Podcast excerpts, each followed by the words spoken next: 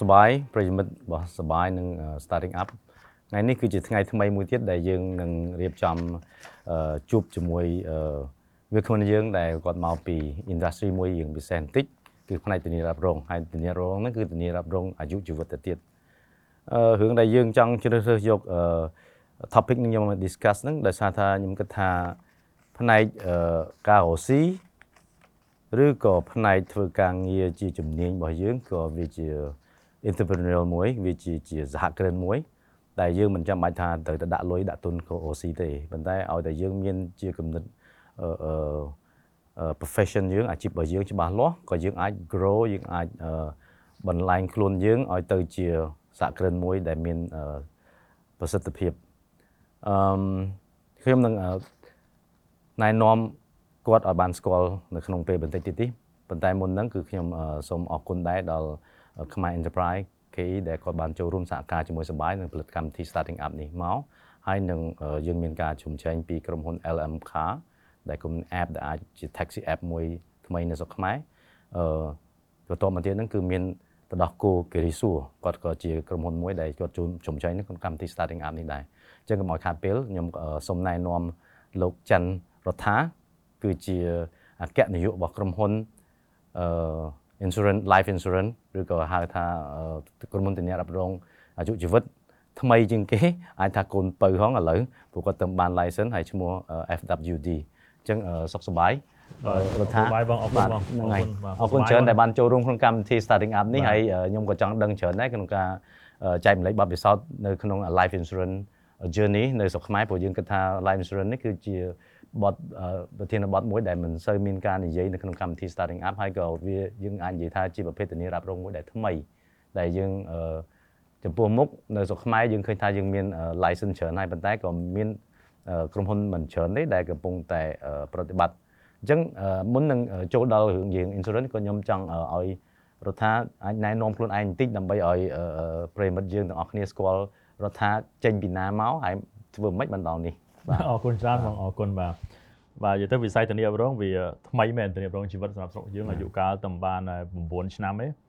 គាត់ថាខ្ញុំចាប់កំណើតក្នុងវិស័យធានារ៉ាប់រងតាំងពីដំបូងមកដែរឆ្នាំ2012មកបងបាទ2012មកចូលធ្វើការក្នុងវិស័យនេះដំបូងគេមកដែរបាទអញ្ចឹងសិតតែចាប់ដើមដំបូងទាំងអស់ហ្នឹងឯងហើយកាលពីមុនហ្នឹងខ្ញុំមុនចូលវិស័យធានារ៉ាប់រងខ្ញុំធ្វើការនៅក្នុងធនាគារបាទនៅ ANZ ចេញមុនធនាគារធ្វើការនៅអឺជាគ្រូបង្រៀនទេបងគ្រូបង្រៀននៅនៅសាកលភ្នំពេញយើងនឹងឯងហើយកំណត់កាត់ជានៅឯអង្គស្នួលខេត្តកដាលបាទឪពុកខ្ញុំគាត់គ្រូបរៀនហើយម្ដាយខ្ញុំអ្នកធ្វើស្រែចម្ការនឹងឯងបាទមកភ្នំពេញ97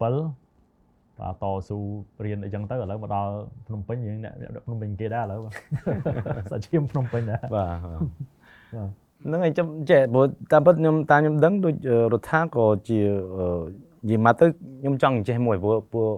កម្មវិធីនេះគឺជាកម្មវិធីដែលយើងចង់លើកពីលើកទឹកចិត្តដល់អឺយុវជនយើងជាច្រើនដោយគាត់ដឹងថាតាមពិតមនុស្សម្នាក់ម្នាក់នៅក្នុងសង្គមនេះគឺយើងមានឱកាសស្មើស្មើគ្នាទាំងអស់ប៉ុន្តែអ្វីដែលខុសគ្នាគឺការពឹងផែងឬក៏ការចាប់ឱកាសឬក៏រៀនសូត្រហ្នឹងហើយអញ្ចឹងខ្ញុំចង់ឲ្យចែកម្លែងតិចព្រោះដោយសាររដ្ឋាតែខ្ញុំដឹងគឺជាកូនមួយដែលនៅក្នុងគ្រួសារនៅស្រុកស្រែថាគ្រូព្រាមមែនតែនៅស្រុកស្រែមែនទែនហើយ មកដល់ស្រុកភ្នំពេញហ្នឹងទៅរៀនទៅអីបឹងប្រែងហ្នឹងខ្ញុំចង់ឲ្យចែកម្លែកពីប្រវត្តិហ្នឹងបន្តិចព្រោះអាហ្នឹងវាជាមួយដែលវាវា inspire ក្មេងដែរព្រោះយុវជនជំនាន់ក្រោយក៏ដឹងដែរទោះកាលអ្នកខ្លះគាត់បន្ទោសពីអូដោយសារគ្រួសារគាត់មិនមានលុយឬក៏ដោយសារបរិស្ថានគាត់មិនល្អអីចឹងណាប៉ុន្តែអានេះគឺជារឿងមួយដែលខ្ញុំគិតថាអ្នកម្នាក់គឺមានឱកាសដូចគ្នាដែរបាទជ្រុលបងសួរអញ្ចឹងហើយក៏ខ្ញុំជម្រាបជូនថាមិនមែនការដែលខ្ញុំនិយាយទៅអួតអាងឬក៏មោទនភាពអីជ្រុលទេ តែគាត់ថាជាមេរៀនមួយសម្រាប់យុវជនទូទៅផងដែរហើយក៏ជាការលើកទឹកចិត្តមួយទៅដល់ឪពុកម្ដាយទាំងអស់ផងដែរខ្ញុំពេលជាប់បាក់ឌុប97ពេលហ្នឹងឪពុកខ្ញុំគ្រូបរិញ្ញានោះហើយគាត់ទៅសួរអ្នកស្រុកអ្នកភូមិថាហេរដ្ឋាជាប់បាក់ឌុបហើយចង់ឲ្យទៅរៀននៅភ្នំពេញហើយត្រូវការលុយប៉ុន្មានហើយអ្នកជំនាន់មុនក៏ប្រាប់ថាពួកឯងត្រូវមានលុយ4 5000ដុល្លារអញ្ចឹងណាហើយ97គ្រូបរិញ្ញា4 5000គាត់ថាចប់ហើយបាទមានអីទេមានលុយណាបាទ ប៉ុន្តែគាត់ក៏មានបំណងមួយថាអេត្រូវតែរៀនឥឡូវចេះមករៀនភ្នំពេញមួយឆ្នាំទៅរៀនអង់គ្លេសដើម្បីមិនធ្វើការរោងចក្រអីចឹងទៅយើងអាចបានការងារល្អទេណារោងចក្រក៏គ្រាន់បើទេយើងចេះបកប្រែបកអីមកណារៀនអង់គ្លេសរៀនថៃទៅហើយខ្ញុំក៏ថាអញ្ចឹងក៏បានដែរបាទមកភ្នំពេញមួយឆ្នាំទៅសាកមើលទៅបាទពេលមកហ្នឹងគឺអត់មាននិយាយទៅមកស្រុកមកពូជខ្ញុំគឺអស់ហើយត្រឹមឪពុកខ្ញុំគ្រូបរិញ្ញាបត្រហ្នឹងគេឡើងថ្នោតទាំងអស់ហ្នឹងហើយបាទ អត់មានស្គាល់បងប្អូនណាទេបាទហើយក៏មានស្គាល់បងម្នាក់សន្តិសុខទេគាត់ប្រាប់ថានេះជិះកង់មកឃ្លាំងម្សៅមកឃ្លាំងម្សៅយើងទល់មុខចិត្តសាតាមកោណាបងបាទអឺទល់មុខឃ្លាំងហ្នឹងហើយគាត់ថាមានបងប្រុសម្នាក់ពិការជើងទេហើយគាត់មានផ្ទះមួយលិចធ្លុះធ្លាយហើយមកសុំគាត់នៅទៅគាត់ឲ្យនៅហើយគាត់ដែរប្រកាន់ទេហឹមហើយខ្ញុំក៏អឺនិយាយខ្លីទៅក៏ជិះកង់មកដល់ពេលហ្នឹងមកដល់ចាំគាត់ប្រហែលម៉ោង1ថ្ងៃត្រង់សុំបាទហើយគាត់ចុះពីធ្វើការមកវិញគាត់ពិការជើងនេះជិះកង់ខ្លះខ្លះមកពីកន្លែងអង្គការគាត់ទៅ គាត់សួរខ្ញុំបងឯងមកធ្វើអីទាំងបងខ្ញុំសុំមកនៅជាមួយបងមួយឆ្នាំរៀនអង់គ្លេសអញ្ចឹងទៅហើយគាត់ក៏មើលផ្ទះគាត់ទៅធ្លាយទាំងអស់វាគ្មានអីលួចទេអញ្ចឹងឲ្យនៅទៅបាទហ្នឹងហើយហើយខ្ញុំក៏ប្រឹងរៀនមួយឆ្នាំបងរៀនអង់គ្លេសទៅយើងអឺទៅរៀនតាមវិហារយេស៊ូអរគុណណាស់បាទវិហារសាសនាគ្រិស្តដែលបានផ្ដល់ឱកាសខ្ញុំផងដែរអត់យកលុយទេបាទហើយអឺមានសាលាមួយឈ្មោះសាលាប៉ាវណ្ណាឥឡូវគាត់បាត់បាត់ហើយនៅម្ដុំខ្ញុំយើខ្ញុំងចាំនៅអឺបាទគាត់គាត់គាត់ហ្នឹងខ្ញុំជិះកង់ម៉ោង4ជាង មកសុំទាំងលោកនាយកខ្ញុំសុំអឺរៀនអង់គ្លេសរៀនបុក1ឯកាលហ្នឹងហ៎បាទបាទមកចាំបុក1មកណាបុក1 one book 2បាទម៉ោង4កន្លះហើយខ្ញុំមួយមួយថ្ងៃរៀនតែ1ម៉ោងទេតែថ្ងៃសៅរ៍ខ្ញុំសុំបោសសាលាលោកនាយកព្រោះខ្ញុំមានលុយបង់ឯងបាទហើយពេលហ្នឹងកំសត់មែនបាទពងអាជិះកង់ពេលខ្ញុំជិះកង់ហ្នឹងណាយកសាលាគាត់ពងកោត្រូយឯងបងមកសម័យមើលបាទហើយយើងពេលល្ងាចយើងជិះកង់មកហើយភ្លៀងរ៉េរ៉េទៀតហើយកោត្រូគាត់ឲ្យខ្ញុំបើខ្ញុំរៀនទៅហើយខ្ញុំក៏រៀនបដាអឺថ្ងៃសៅរ៍បោសសាលាបន្តិចទៅ ចេញពីបោសសាលាជិះកង់ដឹកអឺទិញស្ពៃអឺខ្មៅពីសាទអង្គរយកឲ្យម្ដាយធ្វើស្ពៃជ្រក់នៅអង្គស្រួលហ្នឹងបាទទៅស៊ីឈ្នួលដកស្ទូងគេទៅតល្ងាចឡើងអាទិត្យបានមកវិញដាក់អង្គរដាក់ត្រីឆ្អើរដាក់ពងទាដាក់អីហ្នឹងណាបងបាទបាទហើយក៏រៀនទៅក៏ចិត្តទៅក៏សារអាចារ្យដាន់ចុងឆ្នាំដាក់ចូល98ជាងហ្នឹងគេឲ្យហ្នឹងសាកប្រឡងសាលាភាសាទៅអឺអត់ភាសាសាលា IFL ហ្នឹងឯងក៏ប្រឡងអូខេសាកមើលបាទ មិនដែលស្គាល់ថា IFL ស្អីទេជាប្រឡងគេទៅ កាលហ្នឹងទៅបើកទៅ IFL ជំនាន់ បាទ ហ្នឹងហើយ បាទហើយប្រឡងទៅអេបេក្ខជន3 4000នាក់ដែរបងគេយក80នាក់អាហារូបករណ៍ ហ្នឹង ជាប់ជាប់គេដែរទៅជាប់ចៃដន្យ ចុះភាសាអង់គ្លេសមែន ជាប់ភាសាអង់គ្លេសបងអាហារូបករណ៍ហ្នឹងបាទមុនជាប់យើងទៅគ្រូទាយគ្រូទាយថាជាប់អឺជាប់ បាទបាទពេលជាប់ហើយហ្នឹងអត់លុយបង់ថ្លៃអាថ្លៃกระដាស់សាលាគេបង់មួយឆ្នាំ80រៀលថ្លៃกระដាស់មានរៀនគ្រូហ៎ បាទ ជាកង់មកប្រាប់ឪឪអត់លុយទៀតលក់ស្រូវក្នុងស្រែហ្នឹងបានឲ្យទៅ ហើយក៏យើងចេះតែអឺប្រឹងប្រែងអញ្ចឹងទៅក៏រហូតដល់មានការងារធ្វើរៀនចប់មានការងារធ្វើបានទៅរៀននៅជប៉ុនជិត3ឆ្នាំដែរបងបាទហ្នឹងហើយបាទមកវិញក៏ចូល ANZ មកហើយ2012 Manulife មកដល់គេរើខ្ញុំដំបូងគេជាមនុស្សដំបូងគេម្នាក់គត់ជួយមក set up ក្រុមហ៊ុនសធ្វើ research អំពីវិស័យធានារ៉ាប់រងអាយុជីវិតហើយធ្វើជាអ្នកអប់រំហើយធ្វើជាអ្នកលក់ទៀតអូបាទខេពេលខ្ញុំអ្នកលក់ផងអ្នកអប់រំផងអ្នកបដោះបដាលផងអឺ គ្រប់សពនឹងឯងបាទរហូតដល់បានបាទក្រុមហ៊ុនរីកដុដាលដល់ឆ្នាំច្រើនខ្ញុំចុង2000ដើម2020ជាងហ្នឹងបានខ្ញុំចេញមកហើយមកអឺរៀបចំចូលរួមជាមួយ FWD មកដល់បាទហើយយើងរៀបចំសម្ពោធ site concept នេះហើយចិត្តហើយបងបាទបាទបាទអូខេបាទអឺវារឿងមួយដែលខ្ញុំ interesting មែនតើហ្នឹងបែរថាអញ្ចឹងយើងនិយាយទៅអឺអឺវាមានប្រភេទពីរពីរប្រភេទដែលដែលដូចថាគាត់បាន មាននៅក្នុងគ្រួសារមួយដែលគាត់មានលទ្ធភាពហើយគាត់មានឱកាសទៅរៀនបានច្រើនអីចឹងទៅហើយពេលចប់មកគាត់អាចមានឱកាសទៅធ្វើការងារមួយដែលមានតំណែងល្អមានប្រាក់ចំណូលល្អអញ្ចឹងគាត់ឡើងតាមហ្នឹងទៅមានប្រភេទម្នាក់មនុស្សប្រភេទមួយទៀតហ្នឹងគឺបែរថាគាត់មិនសូវបានរៀនច្រើនហើយមិនមិនបានរៀនចប់ច្រើនទេប៉ុន្តែខ្លួនឯងគឺបែរថាផឹងប្រែងទៅហោរៀនទៅរូតរះទៅទៅទៅសុំទៅអីចឹងណាបាទ ការគិតអស់តែហ្នឹងខ្ញុំគិតថាដូចនិយាយចឹងយើងមិញដែលខ្ញុំនិយាយថាមានឱកាសពីរដែលឱកាសគឺមានគ្រប់ៗគ្នាប៉ុន្តែការប្រឹងប្រែងវាខុសៗគ្នាដែរអញ្ចឹងវាធ្វើឲ្យមនុស្សមានឱកាសជោគជ័យខុសៗគ្នាដែរប៉ុន្តែខ្ញុំ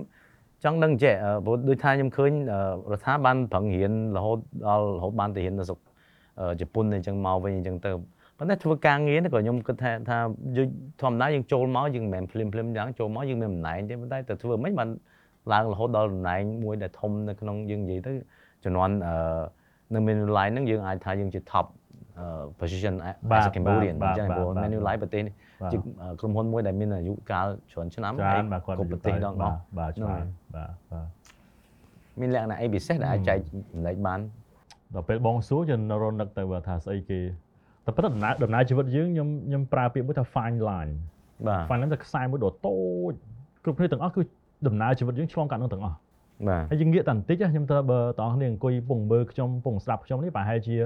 ត្រឡប់មកមើលជីវិតថយក្រោយជីវិតយើងឆ្លងកាត់ fine line ច្រើនណាបាទហើយមានអារម្មណ៍ថាបើងាកទៅខុសតែបន្តិចថាមិនដឹងទៅជាស្អីទេមែនទេបងបាទហ្នឹងហើយបាទឬក៏អ្នកថាងាកតែបន្តិចរងមានជោគជ័យខ្លាំងមែនតើហ្មងបាទដោយសារងាកខុសមកបន្តិចត្រឡប់មកដល់រាល់ថ្ងៃហ្នឹងឯងអញ្ចឹងខ្ញុំគិតថាអូខេប្រហែលជា fine line ប្រហែលជាបងមកចំណែកដែរនៃដំណើរជីវិត fine line ហ្នឹងគឺ មកចំណែកគឺដោយសារមិនអ្នកដែលទប់យើងឲ្យផ្លូវត្រូវគឺមនុស្សដែលយើងរាប់អានជុំវិញហ្នឹងបាទបាទហ្នឹងហើយអញ្ចឹងសូម្បីតែបងប្រុសម្នាក់ដែលជាសន្តិសុខ MPA ចុះ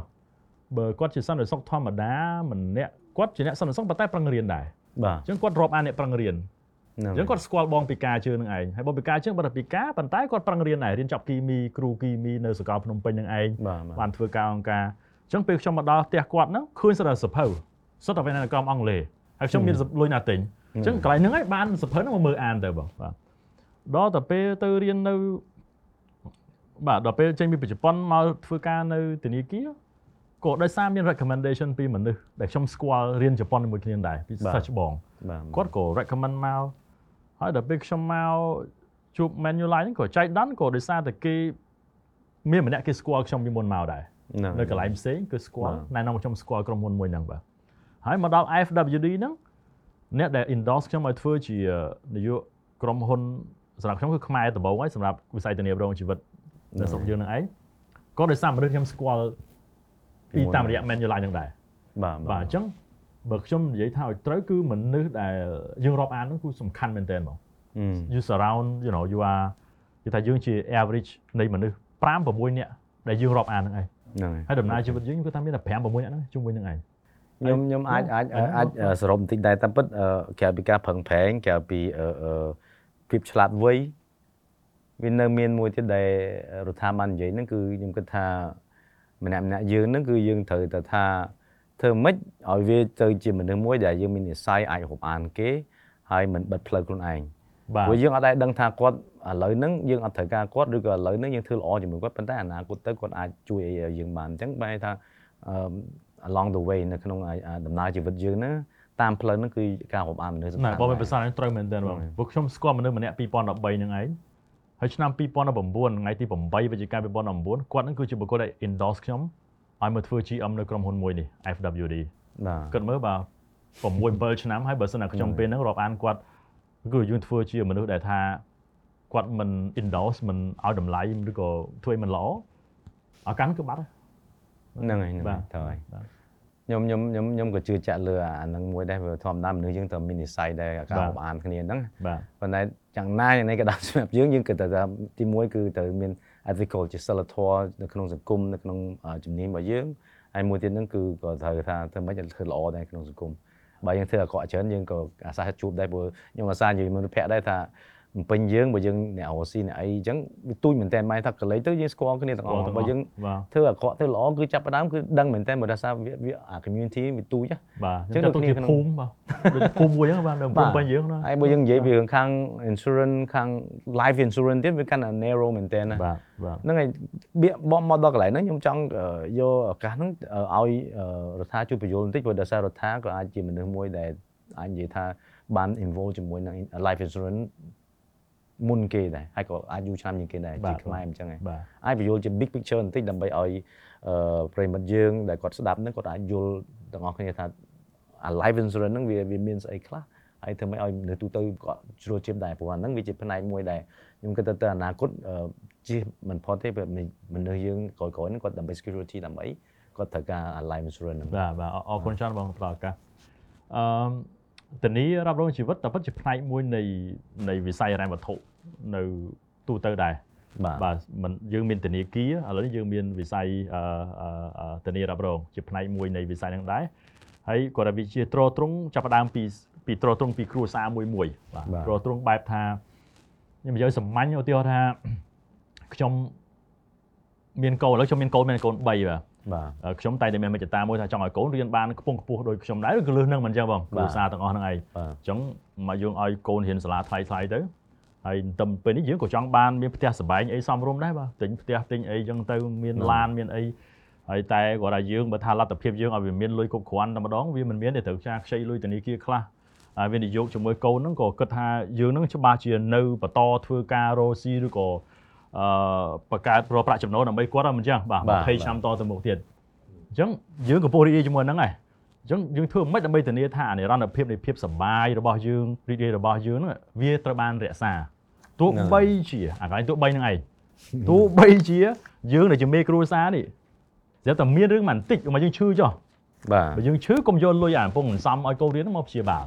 បាទបាទបើយើងឈឺអាប្រាក់ខែដែលយើងអាចបានមកហ្នឹងកុំឲ្យយើង យកស្អីទាំងអស់លក់ផ្ទះលក់អីដើម្បីដោះស្រាយរឿងហ្នឹងឬក៏រហូតដល់បាត់បង់ជីវិតអញ្ចឹងហ្នឹងតែរងជីវិតជាផ្នែកមួយរក្សាហ្នឹងបាទបាទលុយកាក់ដែលយើងដាក់សន្សំជាមួយវិស័យហ្នឹងវាវាវាផ្ដល់ជាតម្លៃមួយ20 30ដងហ៎ហឹមពេលដែលយើងឈឺហ្នឹងយកលុយមកហើយព្យាបាលជំងឺទៅវាអត់ប៉ះពាល់ដល់រឿងលុយរកស៊ីអត់ប៉ះពាល់ដល់លុយសន្សំទុកឲ្យកូនអត់ប៉ះពាល់ទៅដល់អីផ្សេងទេហ្នឹងហើយបើយើងចៃដន្យមកដល់ថាពិការភាពឬក៏បាត់បង់ជីវិតចុះគេមានលុយមកកញ្ចប់ធំទៅសម្រាប់ ឲ្យគ្រួសារទ្រទ្រង់ទៅហើយបើអ្នករកស៊ីវិញយើងកាលមានតែក្រុមហ៊ុនប៉ុន្តែអត់មាន cash flow ទេបាទបាទព្រោះយើងពងឲ្យវិនិយោគរហូតបាទអញ្ចឹងយើងមកត្រូវការ cash flow មួយមកកញ្ចប់ធំភ្លាមភ្លាមដើម្បីទប់លំនឹងថាដំណើរក្រុមហ៊ុនតទៅមុខ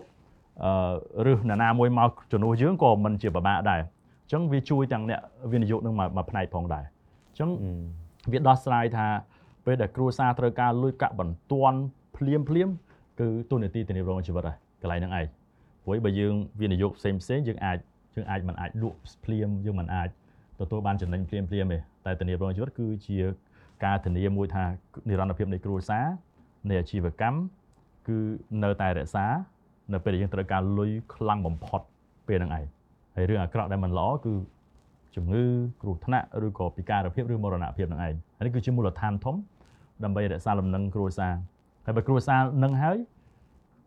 សង្គមភូមិសហគមន៍យើងគឺនឹងហើយបាទបាទហើយតែនឹងហើយសេដ្ឋកិច្ចយើងហត់តែនឹងថែមទៀតបាទអានេះគឺនិយាយឲ្យឲ្យសាមញ្ញមកណាបាទបាទអឺពីមុនមកច្រើនតែនិយាយរឿងទុកសោកតែនេះយើងនិយាយសុបាយបន្តិចបាទធានារបស់យើងគឺជួយឲ្យគ្រួសារសុបាយទេអូខេ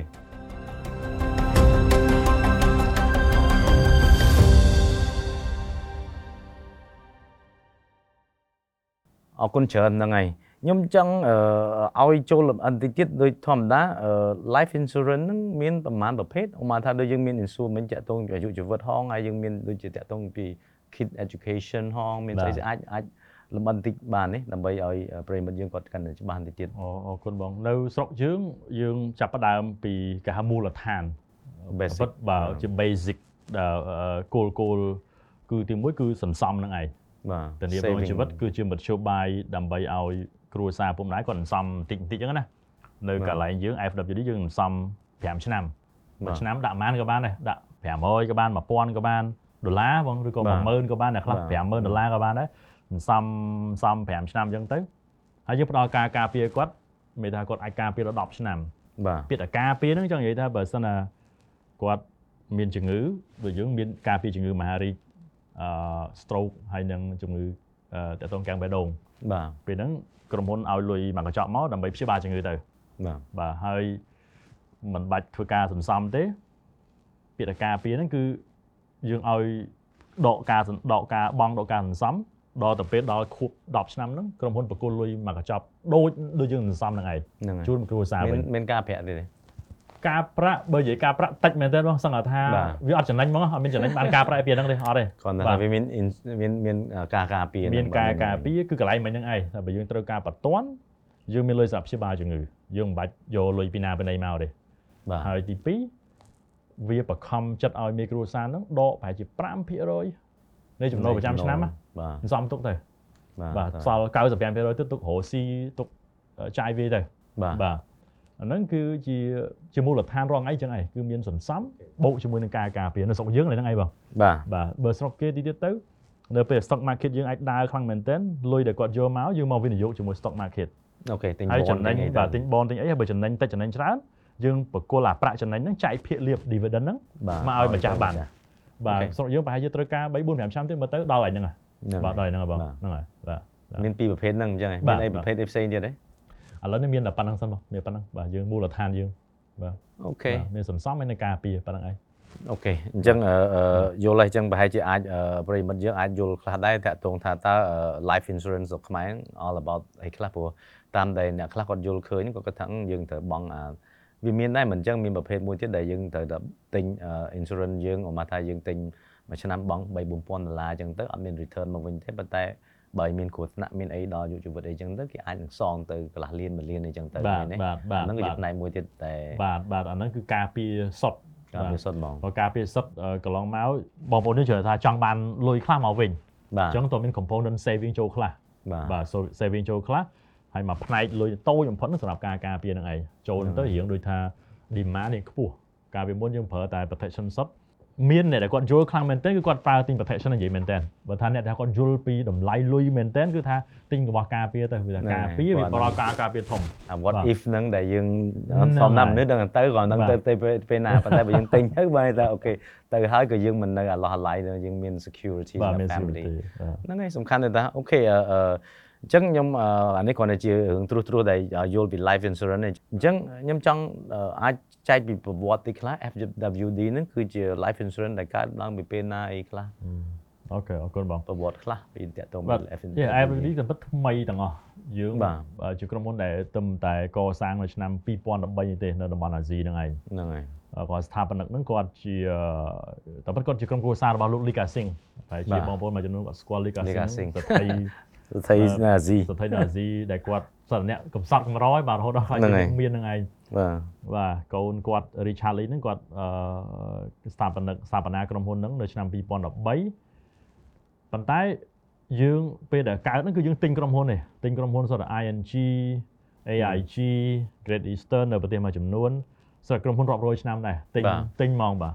ហើយស្រុកខ្មែរយើងគឺប្រទេសទី10ដែលគាត់នៅរយៈពេល8ឆ្នាំហ្នឹងយើងបរិដល់ស្រុកខ្មែរជាប្រទេសទី10 បាទប្រទេសទី10ដែល IFWD មានមានវត្តមានអឺហើយគោលដៅធំរបស់យើងហ្នឹងគឺតែប៉ុន្តែមូលហេតុមូលដ្ឋាននៃការបង្កើតហ្នឹងគឺផ្ដល់នៅការ change the way people feel about insurance អឺហឹមព្រោះអ៊ីតានីរ៉ាប់រងជីវិតបើថាខ្ញុំក្នុងវិស័យនេះចង់និយាយថានៅតែមិនទាន់យើងមិនបានខ្លាចជាតួឯកមួយដែលថាផ្ដល់នៅបទពិសោធន៍ល្អឲ្យភ្ញៀវភ្ញៀវសរសើរពីយើងខ្ញុំសូមសារភាពគឺអត់ទាន់មានទេបាទបាទនៅតែគេមិនថាតែ start up ឡើយបាទនៅក្នុងវិស័យនេះទាំងមូលបាទអបាទញ្ចឹងអឺ ស្ថាបនិកទាំងអស់នេះគឺមានគោលដៅមួយថាធ្វើម៉េចយើងប្រើ digital ប្រើ technology ហ្នឹងសង្កត់ថានៅកន្លែងយើងនេះយើងសង្កត់ថា less paper paperless ហើយបាទគឺ បាទ กระดาษតិចបំផុតអឺហើយយើងមាន app មានអីដើម្បីធ្វើការជាមួយអតិថិជនហើយយើងមាន e-commerce platform អឺដាក់ដំណើរការឆាប់ឆាប់អឺដើម្បីអឺធ្វើឲ្យបទពិសោធន៍វិស័យនេះគឺគិតថាប្លែកជាងគេប្រៀបធៀបជាមួយអ្នកផ្សេងៗនៅក្នុងស្រុកយើងបាទ បាទ បាទ អញ្ ចឹងបានថាអានេះគឺជាអឺ uniqueness ដែលប្រៀបធៀបជាមួយនឹងអឺក្រុមហ៊ុន insurance ផ្សេងផ្សេងៗនៅស្រុកខ្មែរមានស្អីដែលយើងគិតថាអឺអឺដូចវា stand out from the rest អញ្ចឹងដែលវាអាចនិយាយថាលេចជាងគេក្រៅពីថាយើងប្រើ technology ព្រោះខ្ញុំគិតថា technology ដែលខ្ញុំដឹងហ្នឹងឥឡូវ insurance ផ្សេងៗគាត់ដោយសារតែ covid ដោយសារអីអញ្ចឹងគាត់បាន turn អាអា manual ឬក៏ human base ហ្នឹងទៅអឺអា interface ជាមួយនឹង Zoom ជាមួយនឹង interact ជាមួយនឹងអឺ app base អីច្រើន online អញ្ចឹងណា go digital អញ្ចឹងប៉ុន្តែមានស្អីគេដែលយើងគិតថា FWD ហ្នឹងដែលអាចថា we claim that is the unique we are បាទ the only អីចឹង unique បើនិយាយពីស្រុកខ្មែរចុះបាទអឺទីមួយនិយាយពី vision របស់យើងទស្សនវិស័យគឺ change the way people feel about insurance គឺផ្ដល់បទពិសោធន៍ថ្មីលើសេវាធានារ៉ាប់រងហើយហ្នឹងហើយ tagline យើងគឺ celebrate living បាទកន្លងមក ធានារ៉ាប់រងគឺខ្ញុំនឹងឲ្យតួអង្គបាទកំសត់ព្រាត់ប្រាស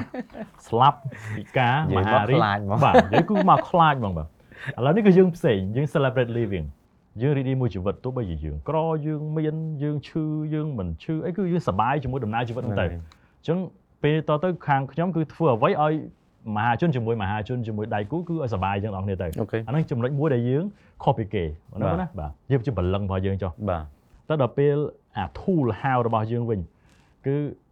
គឺយើង end to end solution របស់យើងគឺ digital ទាំងអស់តាំងពីដំណើរដែលភ្ញៀវទិញ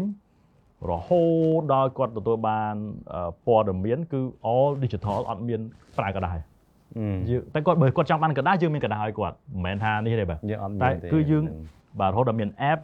ដែលអតិថិជនអាច access ព័ត៌មានអីបានទាំងអស់ហ្នឹងចំណុច ហ្នឹងហើយ ទី2ហើយទី3ដែលជាបលឹងរបស់យើងគឺហៅ simplicity simplicity ហ្នឹងគឺ ធ្វើម៉េចឲ្យគាត់ងាយស្រួលក្នុងការយល់បំផុត បាទ ពាក្យងាយស្រួលយល់ហ្នឹងគឺករណីលើកលែងថាអត់សងត្រូវតែសឹងតែអត់មានហ្មងបាទអាហ្នឹងសំខាន់ព្រោះ ត្រូវ ភាព ហើយ complexity របស់វិស័យធានារ៉ាប់រងត្រង់តែករណីលើកលែងវាច្រើនដល់ពេល ហ្នឹងហើយ ច្រើនអាกระดาษយើងត្រូវទៅសេននោះត្រូវចាប់ដាក់ក្រាស់នេះ មែ បាទ នតើ ហើយយើងអ្នកលក់ក៏អត់មើលអ្នកទិញក៏អត់មើលដែរ ខ្ញុំដឹងហ្មងបាទបាទ ខ្ញុំជឿ បាទអអ្នកលក់ក៏អត់មើលដែរបាទអ្នកទិញក៏អត់មានណាមើលដែរ ហើយដល់ទៅពេលចាំដល់ពេលដល់ស្រីមកយើងមើលចុះអាហ្នឹងគេអត់សងហើយនេះបាទអូអានេះគេអត់សងអូនេះគេអត់សងហ៎បាទបែរអត់មើលយកឈ្លោះគ្នាឡើយហ្នឹងឯងខ្ញុំខ្ញុំសូមចែកម្លែកដែរតែពិតអឺអាហ្នឹងគឺបទពិសោធន៍ខ្ញុំផ្ទាល់ណាបាទខ្ញុំមានរឿងពីរដែលខ្ញុំយកមកនិយាយហ្នឹងគឺបែរថាដោយសារក្រុមក្រុមហ៊ុនខ្ញុំក៏យើងមាន insurance មានស្អីៗច្រើនដែរសម្រាប់បុគ្គលិកសម្រាប់អីចឹងណាបាទក្រុមហ៊ុនសបាយដូចគ្នាតាមពិតអឺយើងអឺទីមួយគឺនិន្នាការរបស់យើងគឺយើងធ្វើមិនឲ្យអឺតាក់ទង entertainment ធ្វើមិនឲ្យជីវិតយើងមានន័យធ្វើមិនឲ្យយើងអឺ less worry បាទបានតែកាន់អាភាពបារម្ភកាន់តែតិចចឹងបានគាត់ឲ្យឈ្មោះសប្បាយហ្នឹងហើយអញ្ចឹងបានក្រុមហ៊ុនយើងឈ្មោះសប្បាយអញ្ចឹងណាអញ្ចឹងអាដូច insurance ស្អីៗហ្នឹងបុគ្គលិកយើងគឺយើងមានលក្ខណៈយើងពិសេសដែរដូចមានប៉ុន្តែគាត់យើងមិនគិតដល់ life insurance ប៉ុន្តែ accident របបយើងមាន medical insurance យើងមានដូចបុគ្គលិកឈឺអញ្ចឹងគឺយើងមានកន្លែងដែលគាត់ទៅ clinic ដែលគាត់ទៅមិនបាច់ pay អញ្ចឹងហ្មងបាទអញ្ចឹងវាលក្ខណៈដែលយើងគិតអញ្ចឹងហើយខ្ញុំក៏មានសូមខ្ញុំក៏ទិញ insurance ខ្លួនឯងដែរអញ្ចឹងបាទដល់ពេលដល់ពេលខ្ញុំមានពេលមួយទៅទិញអាកាលនោះខ្ញុំទិញ medical insurance អញ្ចឹងណា ហើយដល់អញ្ចឹងទៅខ្ញុំទៅ claim គាត់អញ្ចឹងទៅយើងក៏អត់បានអានទេព្រោះធម្មតា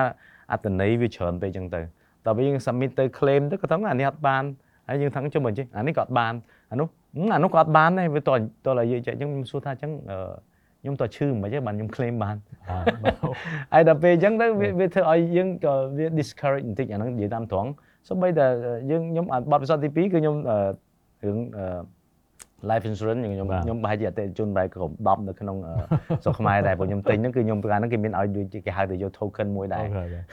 បាទខ្ញុំចាំពេលហ្នឹង live អឺនៅនៅ menu live ហ្នឹងហើយ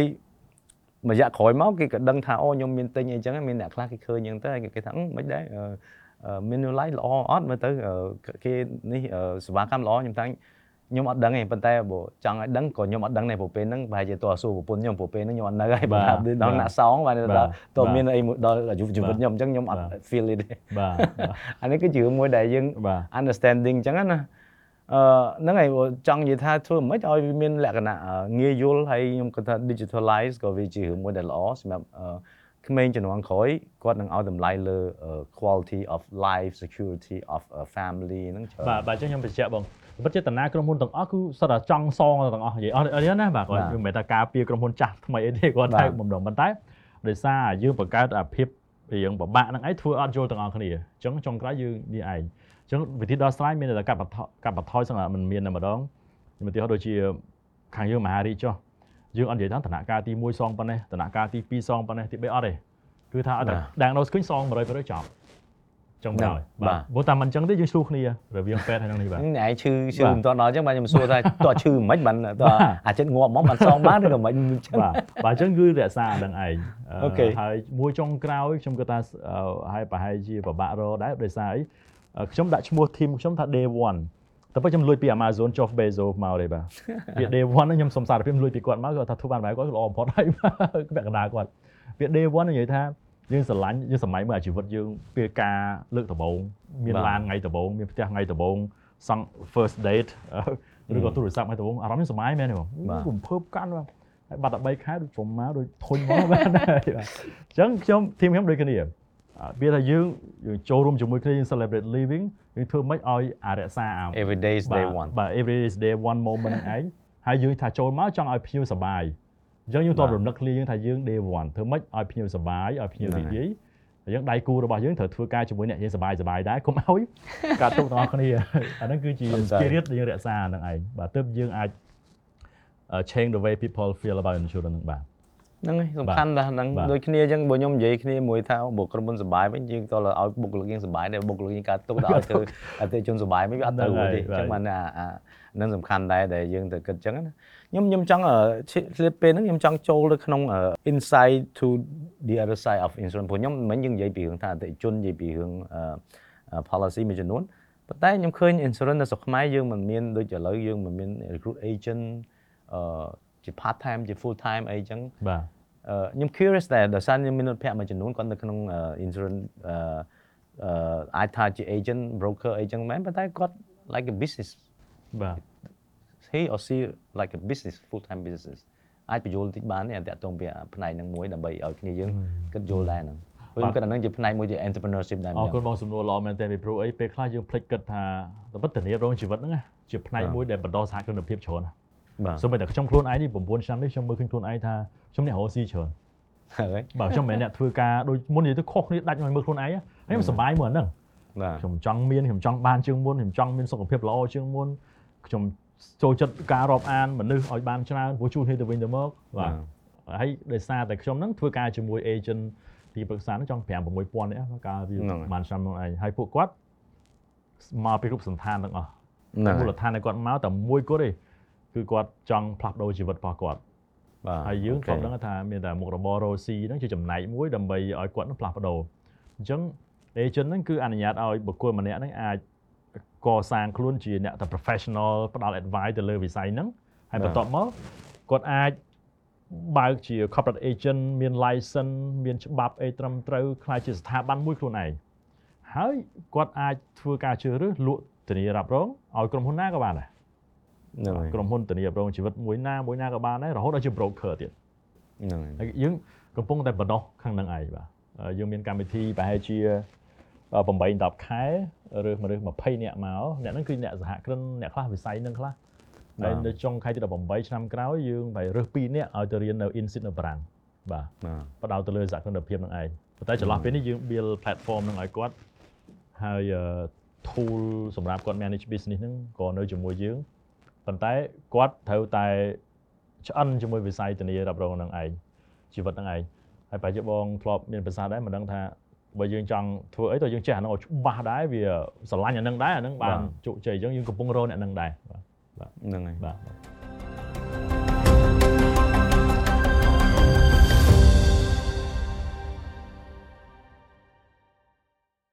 ខ្ញុំខ្ញុំគិតថាអឺអឺបើយើងនិយាយពី insurance យើងលក់លក់ហ្នឹងគឺបានថាវាវា involve ជាមួយច្រើន skill ទីមួយគឺបកកែនិយាយបាទការនិយាយ skill អាហ្នឹងមួយ persuasion អា convincing ធ្វើម៉េចបញ្ចុះបញ្ចូលនឹងបកកែមែនតើហ្មងអាហ្នឹងគឺផ្នែកមួយដែលវាជា skill មួយនៅក្នុងអឺអឺនៅក្នុងជីវិតយើងបើយើងបកកែបញ្ចុះបញ្ចូលបកកែអីហ្នឹងគឺ it's a life skills មិនមិនធម្មតាថារឿងអូស៊ីណែ life skill បាទជា how life to skill បាទ uh, dissolve a problem conflict អីហ្នឹងអានៅក្នុងហ្នឹងមួយដែរទី2អត់អាមួយទៀតបន្តមកទៀតហ្នឹងគឺខ្ញុំគិតថារឿងមួយគឺបង្កើតអឺពីភាពក្លាហានព្រោះអ่ะអឺ ពេលដែលយើង sell យើងទៅជួបមនុស្សគឺភាគច្រើនខ្ញុំគិតថាមិនមែនតែទាំងអស់គ្នាសិតតែស្គាល់គ្នាអ្នកខ្លះគឺមនុស្សថ្មីសុទ្ធហ្មង how we make friend with the first people that we we we never met before បាទអានឹងមួយដែលដែលខ្ញុំគិតថាសំខាន់ហើយបន្ទាប់មកទៀតហ្នឹងគឺបែរថា how to keep on going បានន័យថាអាគេហៅថាដូចអឺមុខក្រាស់ក្រាញ់ញៀលបាទខ្ញុំខ្ញុំនិយាយអញ្ចឹងដោយសារខ្ញុំឃើញអឺអឺមាន industry ហ្នឹងនៅស្រុកគេច្រើនប៉ុន្តែអ្នកដែលរស់ស៊ី អ្នកខ្លះគឺគាត់ចេញមក background គាត់មកពី insurance ហ្នឹងដោយសារ insurance ហ្នឹងគឺ train មនុស្សឲ្យចេះ skill ប្រហែលអស់ទៅហ្នឹងមិនត្រឹមតែ knowledge ពី insurance ពីស្អីស្អីហ្នឹងគឺបែរថាគឺអា skill មួយហ្នឹងគឺ people life skill skill soft skill ហ្មងបាទហ្នឹងហើយ people skill អូបាទអូសម្រាប់ខ្ញុំខ្ញុំគិតថាខ្ញុំបាទបើខ្ញុំអត់មានអាហ្នឹងព្រោះជំនាន់មុនវាអត់មាន insurance ប៉ុន្តែខ្ញុំខាងអឺធ្វើ advertising អញ្ចឹងខ្ញុំ walk door to door meet hundreds of people every បាទ day បាទ all នៅតាមផ្លូវហ្មងឬក៏តាមនេះអាហ្នឹងដូចដូចគ្នាអញ្ចឹងបាទដូចអញ្ចឹងយើងជួបមនុស្ស100នាក់គឺ pattern គាត់100អញ្ចឹងបាទតើយើងត្រូវបាត់បែនមិនទៅសម្របដើម្បីឲ្យគេកុំឲ្យជេរកុំឲ្យស្ដីឲ្យយើងកុំឲ្យនេះឲ្យស្អែកឡើងទៅជួបគេម្ដងទៀតអាហ្នឹងមួយបាទដែលថានិយាយមុខក្រាស់និយាយវាអារបៀបអឺបាទតាក់តិចនឹងនិធ្វើយាយតាមលឺស្អីស្អីហ្នឹងធ្វើតាមដឹងវាជាមួយដែលខ្ញុំគិតថាអាហ្នឹង life skill ហ្មងសម្រាប់ខ្ញុំដល់ឥឡូវអញ្ចឹងអូបែរថាយើងបាទដូចខ្ញុំធ្វើកម្មវិធីនេះ host នេះខ្ញុំមិនមែនថាខ្ញុំអឺមានបានរៀនបានអីប៉ុន្តែវាចេញមកពីអាពីមុនដែលសល់មកយើងយកមកនិយាយហើយយើងក៏អាចថាយើងឆ្លងកាត់ដែរយើងជួបមនុស្សច្រើនយើងអាចអឺ ដឹងរបៀបអីនិយាយតាក់តិចហ្នឹងគឺចេញមកពីអញ្ចឹងអញ្ចឹងបាទអញ្ចឹងខ្ញុំគិតថាវាជាផ្នែកមួយដែលបណ្ដោះធនធានមនុស្សដែលសំខាន់ស្រុកខ្មែរយើងយើងទៅការមនុស្សនឹងច្រើនបាទដែលថាឲ្យតម្លៃទៅលើអាភាពអឺអឺតំណែងហ្នឹងសំខាន់មែនតើហ្នឹងណាបាទអឺនៅក្នុងនេះខ្ញុំគិតថាអឺអឺ insurance យើងអត់និយាយពីអឺ general insurance ព្រោះវាមានរបៀបច្រើនអញ្ចឹងណាយើងនិយាយ particular life insurance អញ្ចឹងយើងគិតថាតើស្រុកខ្មែរប្រៀបធៀបជាមួយនឹងស្រុកគេវិញអឺតើយើងដល់ stage ណាហើយ ដែលដែលដែលយើងប្រៀបធៀបអញ្ចឹងណាបើថាយើងអឺយើងខ្ញុំតាមខ្ញុំចាំ Manulife ទី1ចុះអឺគាត់កើតឆ្នាំប្រហែល2012 2012ក៏នឹងមាន camp camp live បង Cambodia Live live ផរដ្ឋាភិបាលបាទកើតមុនដូចជាខែ1 2012តមកគេឲ្យ license មក Manulife ខែ6ហើយតមក Prudential នៅក្នុងដូចជាខែ1 2013បាទបាទហើយបន្ទាប់មកមានបានមានសវណ្ណភូមិមាន AIA តទៀតអញ្ចឹងបាទតទៀតមកឥឡូវមានប៉ុន្មានហើយឡើយ12ក្រុមហ៊ុនហើយបងដល់ពីក្រុមហ៊ុនណាតែពេល9ឆ្នាំមកយើងលឿនជាងគេហ្នឹងដល់ពីក្រុមហ៊ុនបាទបាទ12ក្រុមហ៊ុនអូខេអញ្ចឹង stage យើងវាមិនដែរនៅស្រុកខ្មែរយើងយើងគិតថាវាអឺ level អីគេបើ1 to 10ចុះបាទ1 to 10ឥឡូវបើបើខ្ញុំនិយាយថាប្រៀបធៀបមួយវៀតណាមនៅតំបន់យើងហ្នឹងបាទតែពិតយើង grow លឿនណាបងអា penetration របស់យើងណាវៀតណាម មើល20ឆ្នាំជាងនៅត្រឹមប្រហែលជា2%នៃ GDP តែសារ GDP គាត់គាត់មាំដែរណាបាទបាទបាទបាទថៃវិញក៏ប្រហែលជា2 3%នៃ GDP ទេឥឡូវយើងមួយកន្លះជាងហើយរដ្ឋាភិបាលមានគម្រោងឲ្យអា insurance penetration ហ្នឹងណាទាំងមូលហ្មងតាំងពី live ទាំង non live ហ្នឹងឯងឡើងដល់5.5%នៃ GDP រយៈពេល10ឆ្នាំ10ឆ្នាំទៅបាទអញ្ចឹងមានថាដំណើរយើងតែ20ឆ្នាំទេ5.5មានតែខ្ពស់ជាងដំណើរដែលវៀតណាមដំណើរដែលដែលគេចាប់ផ្ដើមថៃមុនយើងដែលឆ្លងកាត់10ទៀតឆ្នាំបាទហើយគេចាប់ផ្ដើម 10ឆ្នាំទៀតគេចូលឆ្នាំទីចង់40ហើយ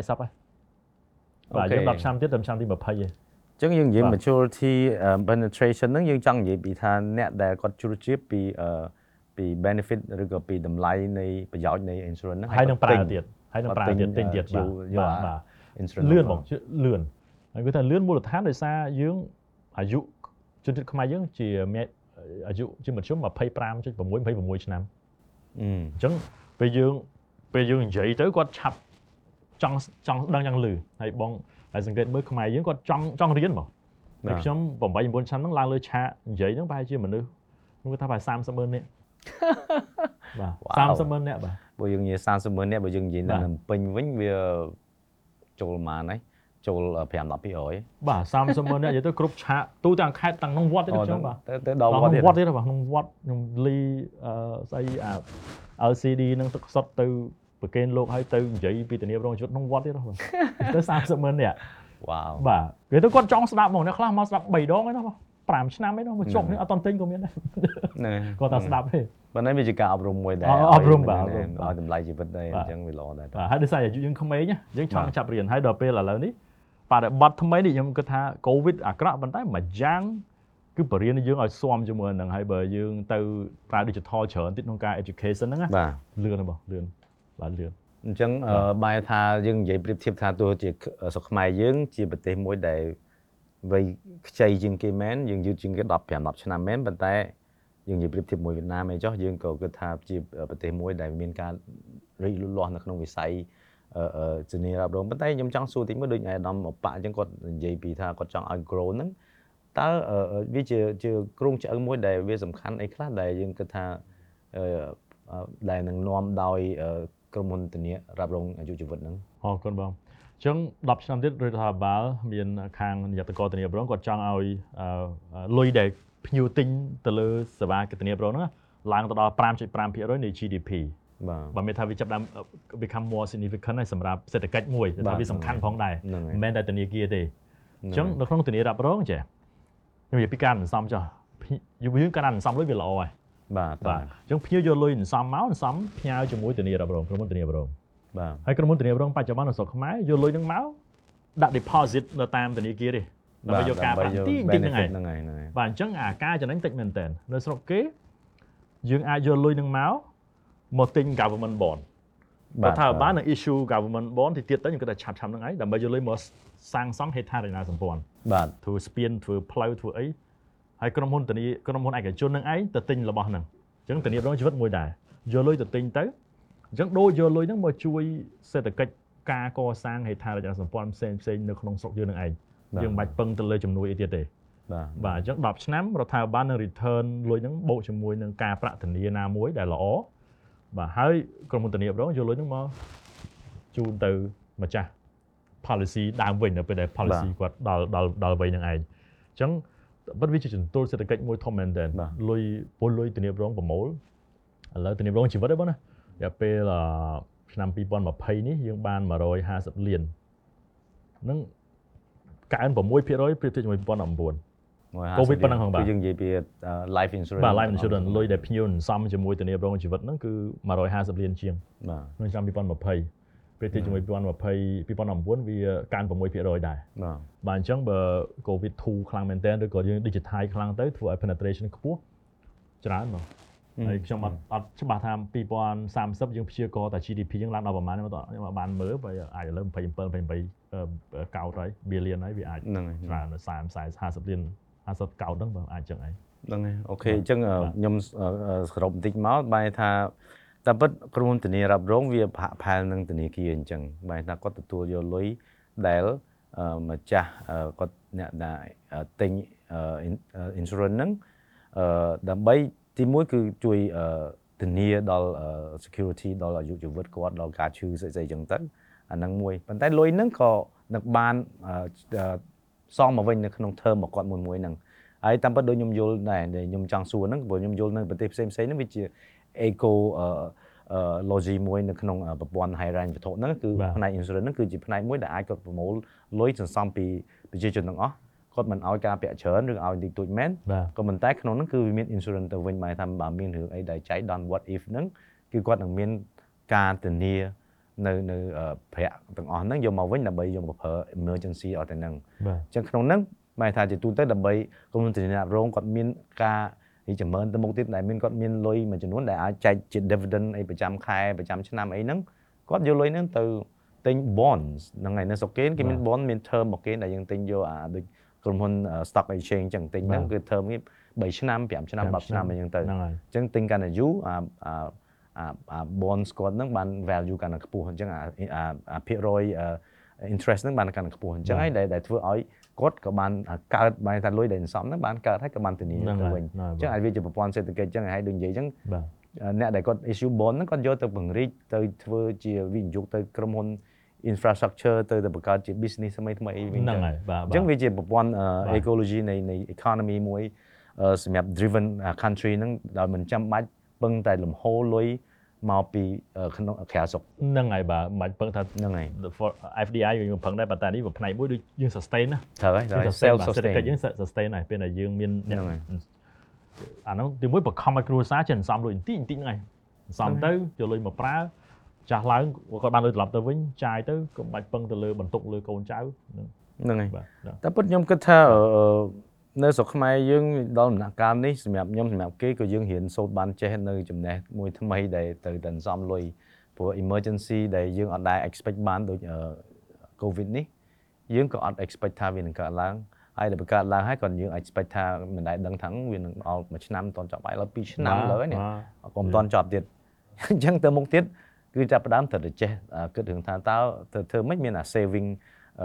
habit មានទម្លាប់អឺនៅការសន្សំហ្នឹងបាទដែលដែលធ្វើឲ្យយូរវែងអឺធ្វើម៉េចមានបញ្ហាអញ្ចឹងកើតឡើងគឺយើងត្រូវមានលុយមួយដែលនៅចំណុចមួយខ្ញុំ observe បងនិយាយខ្ញុំសង្កេតមើលបាទគ្រប់គ្នាទាំងអស់ជាពិសេសនៅអាស៊ីយើងខ្មែរយើងអីនិយាយថាសន្សំល្អហ่ะបាទដល់ពេលសួរឲ្យជ្រៅមែនទែនប្រហែលអ្នកសន្សំលុយតិចមែនទែនប្រហែលអ្នកដែលសន្សំលុយថាឥឡូវហើយសូមឲ្យសថិលីកាស៊ីងនឹងក៏ដោយ Jack Ma ក៏ដោយចង់ថាណាដែលថាអ្នកមហាសេដ្ឋីណាក៏ដោយ Warren Buffett ក៏ដោយថា អ្វីដែលអ្នកគួរធ្វើមុនគេពេលបានលុយមកគឺដក5%នឹងសំទុកសិនសពប្រហែលចាំចាយសពប្រហែលចាំរោស៊ីតែប៉ុណ្្នឹងចាស់ឡើងក៏អ្នកអត់ក្រដែរបើថាមិនមានក៏អត់ក្រដែរបើថាចាស់ឡើងមិនបាច់ពឹងកូនពឹងស្អីណៅឯងឲ្យលុយអញបានមិនបាច់ពឹងអីបាទឲ្យតែដក5% 10%ទុកសិនហើយធានាប្រងជីវិតបើខ្ញុំនិយាយជ្រៅហ៎គឺកន្លែងនឹងដាស់អារម្មណ៍មនុស្សយើងថាយើងទៅតែបន្តិចឯងសំទៅបាទពីព្រោះអីយើងទាំងនេះគឺថាល្អប៉ុន្តែប្រហែលអ្នកធ្វើរឿងហ្នឹងអត់ទេ បើអ្នកបាក់ប្រាក់ខែថ្ងៃ23ធានាអស់លុយហ៎អស់លុយឲ្យលីងហ្មងបាទចាំប្រាក់ខែអឺហ្នឹងហើយអញ្ចឹងអាហ្នឹងយើងត្រូវចាំអស់គ្នាដែរយើងនាំគ្នាសន្សំលុយព្រោះសម្រាប់ខ្ញុំខ្ញុំចាំចេះវិញឯងព្រោះខ្ញុំខ្ញុំពីក្មេងៗអាហ្នឹងបើដល់ជំនាន់បាទប៉ាម៉ាក់ខ្ញុំហ្នឹងគាត់គិតអីគាត់គិត security ប្រហែលជាគាត់ជាគ្រួសារចិនអីមិនដឹងទេណា បើថាគាត់រកលុយបានមិនក៏ដោយគឺគាត់ត្រូវតែមាន security មួយហ្មងគឺលុយមួយហ្នឹងគឺលុយបំរុងហ្មងព្រោះដោយសារគាត់ឆ្លងកាត់សង្គ្រាមច្រើនណាបាទអញ្ចឹងវឹកវរច្រើនពេលណាដែលនេះហ្នឹងគឺគាត់ថាលុយដែលសន្សំបានគាត់យកទៅដូរមាសដូររបស់ណាដែលមានតម្លៃដើម្បីទុកពេលដែលមានគាត់ថាពេលមានអាសន្នអញ្ចឹងខ្មែរយើងមានភាសាមួយបដោះអាសន្នតោះសំចាបដោះអាសន្នហ្នឹងគឺបែរថាគឺដូច insurance អញ្ចឹងអញ្ចឹង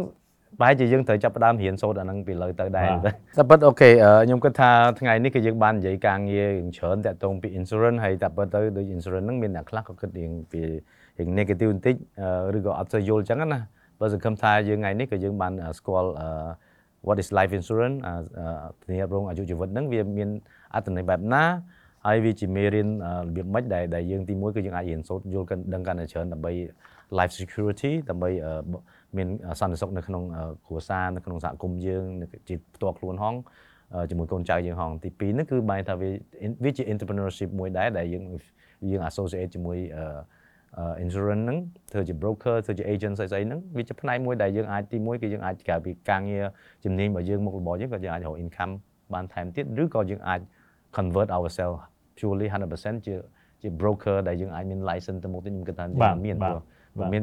business មួយចំនួនទៀតដែលក្នុង stock ក្នុង forage អីហ្នឹងក៏គេមានជាជា personal license ដែលគេ License បាទ issue ឲ្យគាត់អាចទៅលក់ទៅទៅ trade អីចឹងបានបាទហ្នឹងហើយអឺដោយសារពេលវេលាជិតដល់ដែរខ្ញុំក៏អឺអឺអរគុណច្រើនរដ្ឋាដែរដែលចូលរួមក្នុងកម្មវិធីនេះប៉ុន្តែខ្ញុំក៏ឲ្យចង់ចែកម្លែកអឺ live lesson ចុងក្រោយដែរដែលថាអឺ what is your live lesson ដែលអាច share ពីពីអឺនៅក្នុងហ្នឹងឲ្យយុវជនយើងទាំងអស់គ្នាឲ្យបានរៀនសូត្រដែរដែលយើងតាំងពីក្មេង ជិះកង់មករៀនពីស្រុកស្រែមកដល់ភ្នំពេញរហូតដល់មានឱកាសធ្វើដល់នេះខ្ញុំដឹងថាអូខេ not everyone can do it ប៉ុន្តែបាទ everyone have equal uh, opportunity មិនចឹងឯងតែបងមានប្រសាសន៍ត្រូវមែនបាទពិតយើងកើតមកដូចថានិយាយធွာនេះចឹងបើយើងអត់មានអីផងបាទយើងទៅទេសារដូចតែគ្នាហ្នឹងបាទទៅវិញទៅទេសារដូចតែគ្នាបាទអ្វីៗជុំវិញយើងគឺជាឱកាសសម្រាប់យើងទាំងអស់អញ្ចឹងរបៀបមួយសម្រាប់ខ្ញុំទេជាមិនមែនថាជោគជ័យអីទេប៉ុន្តែគាត់ថាគឺគឺថា you know 4 5នាក់ដែលជុំវិញយើងគឺសំខាន់មែនទែនមនុស្ស4 5នាក់ហ្នឹងឯអូងខេបាទហើយមិនមែនថាយើង stick ជាមួយនឹងរហូតទេហើយក៏មិនមែនបោះបង់គាត់ដែរប៉ុន្តែនៅពេលដែលយើងចង់ move ទៅ stage មកខ្ពស់មកបន្តិចយើងស្រឡឹងមើលអ្នកណាខ្ពស់ជាងយើងពីព្រោះយើងគឺជាមជ្ឈមភាគនៃមនុស្ស4 5នាក់ហ្នឹងឯងបាទបើយើងចង់ធ្វើ CEO ត្រូវទៅរាប់អាន CEO right បើយើងចង់ធ្វើជាអ្នកសហគ្រិនចង់គ្រប់គ្រងសបាយទៅរាប់អានមួយបងសាលានិយាយចង់ចង់ហ្មងបាទបាទពីព្រោះអីបើអញ្ចឹងយើងអត់ចេះថាធ្វើមិនទេអូមកគាត់ឲ្យឱកាសមួយយើងធ្វើមិនកើតបាទគាត់ច្បាស់ជារកអ្នកណាដែលអាចគ្រប់គ្រងសបាយបានណាអញ្ចឹងយើងជាមជ្ឈមភាគនៃមនុស្ស4 5នាក់ដែលយើងរាប់អានហ្នឹងឯងហើយយើងមានសិទ្ធិក្នុងការជឿរើសរើសអ្នកហ្នឹងបាទហើយមនុស្សឥឡូវគាត់ថាគាត់ចិត្តល្អច្រើន open ច្រើនណាត្រូវហើយអាហ្នឹងមួយបងទី2ពេលដែលយើងធ្វើខ្ញុំជឿលើគោលការណ៍មួយថាយើង give more than we are paid for យើង give more than being expected មានថាយើងត្រូវតែផ្ដល់ឲ្យច្រើនជាងការរំពឹងទុកអឺហឹមនរណាក៏ដោយបើចង់ជាមេក៏ដោយជាម្ចាស់សហគ្រិនក៏ដោយ ធ្វើការឲ្យគេក៏ដោយស្អីក៏ដោយគឺថាយើងត្រូវតែឲ្យសិនឲ្យទៅបាទព្រោះយើងទទួលបានមកវិញច្រើនមែនតើដំណើរជីវិតយើងភាគច្រើនច្រើនមែនតើអឺហឹមបាទឥឡូវខ្ញុំឲ្យមិនសមបងពីរណាបាទហ្នឹងអរគុណច្រើន OK បាទអាហ្នឹង OK បាទតែខ្ញុំជឿលើហ្នឹងអីបាទព្រោះដំណើរជីវិតនេះគង់ដល់ពេលណាមួយគេមកជួយយើងដូចបងមានភាសាពីដំបូងហ្នឹងឯងយើងអត់ដឹងបាទ so you give more than you are paid for ហើយទី3 complete អាអា personal development ហ្នឹងឯងបា ការទអភិវឌ្ឍខ្លួនឯងហ្នឹងមិនថាសុខភាពមិនថាផ្លូវអារម្មណ៍មិនថាចំណេះដឹងទេ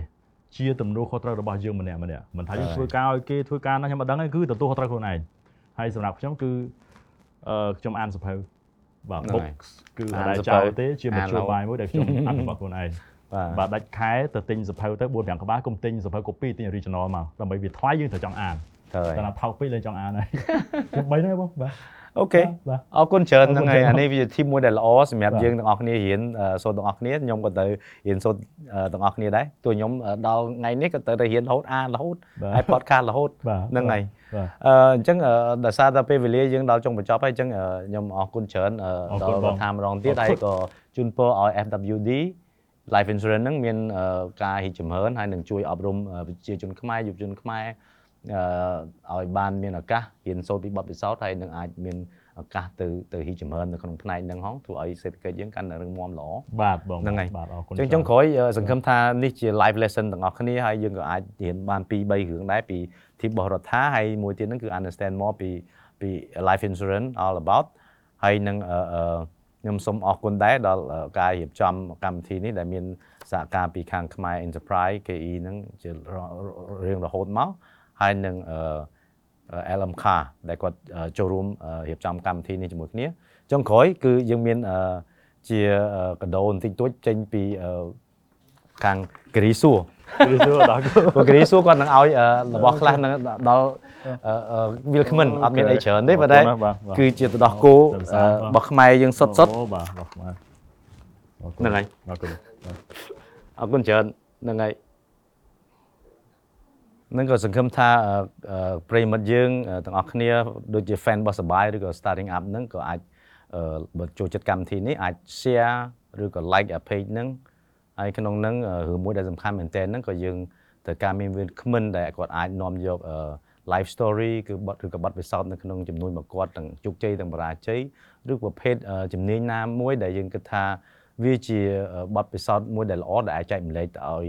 អឺប្រិយមិត្តយើងផ្សេងៗទៀតអញ្ចឹងអឺសូមអរគុណ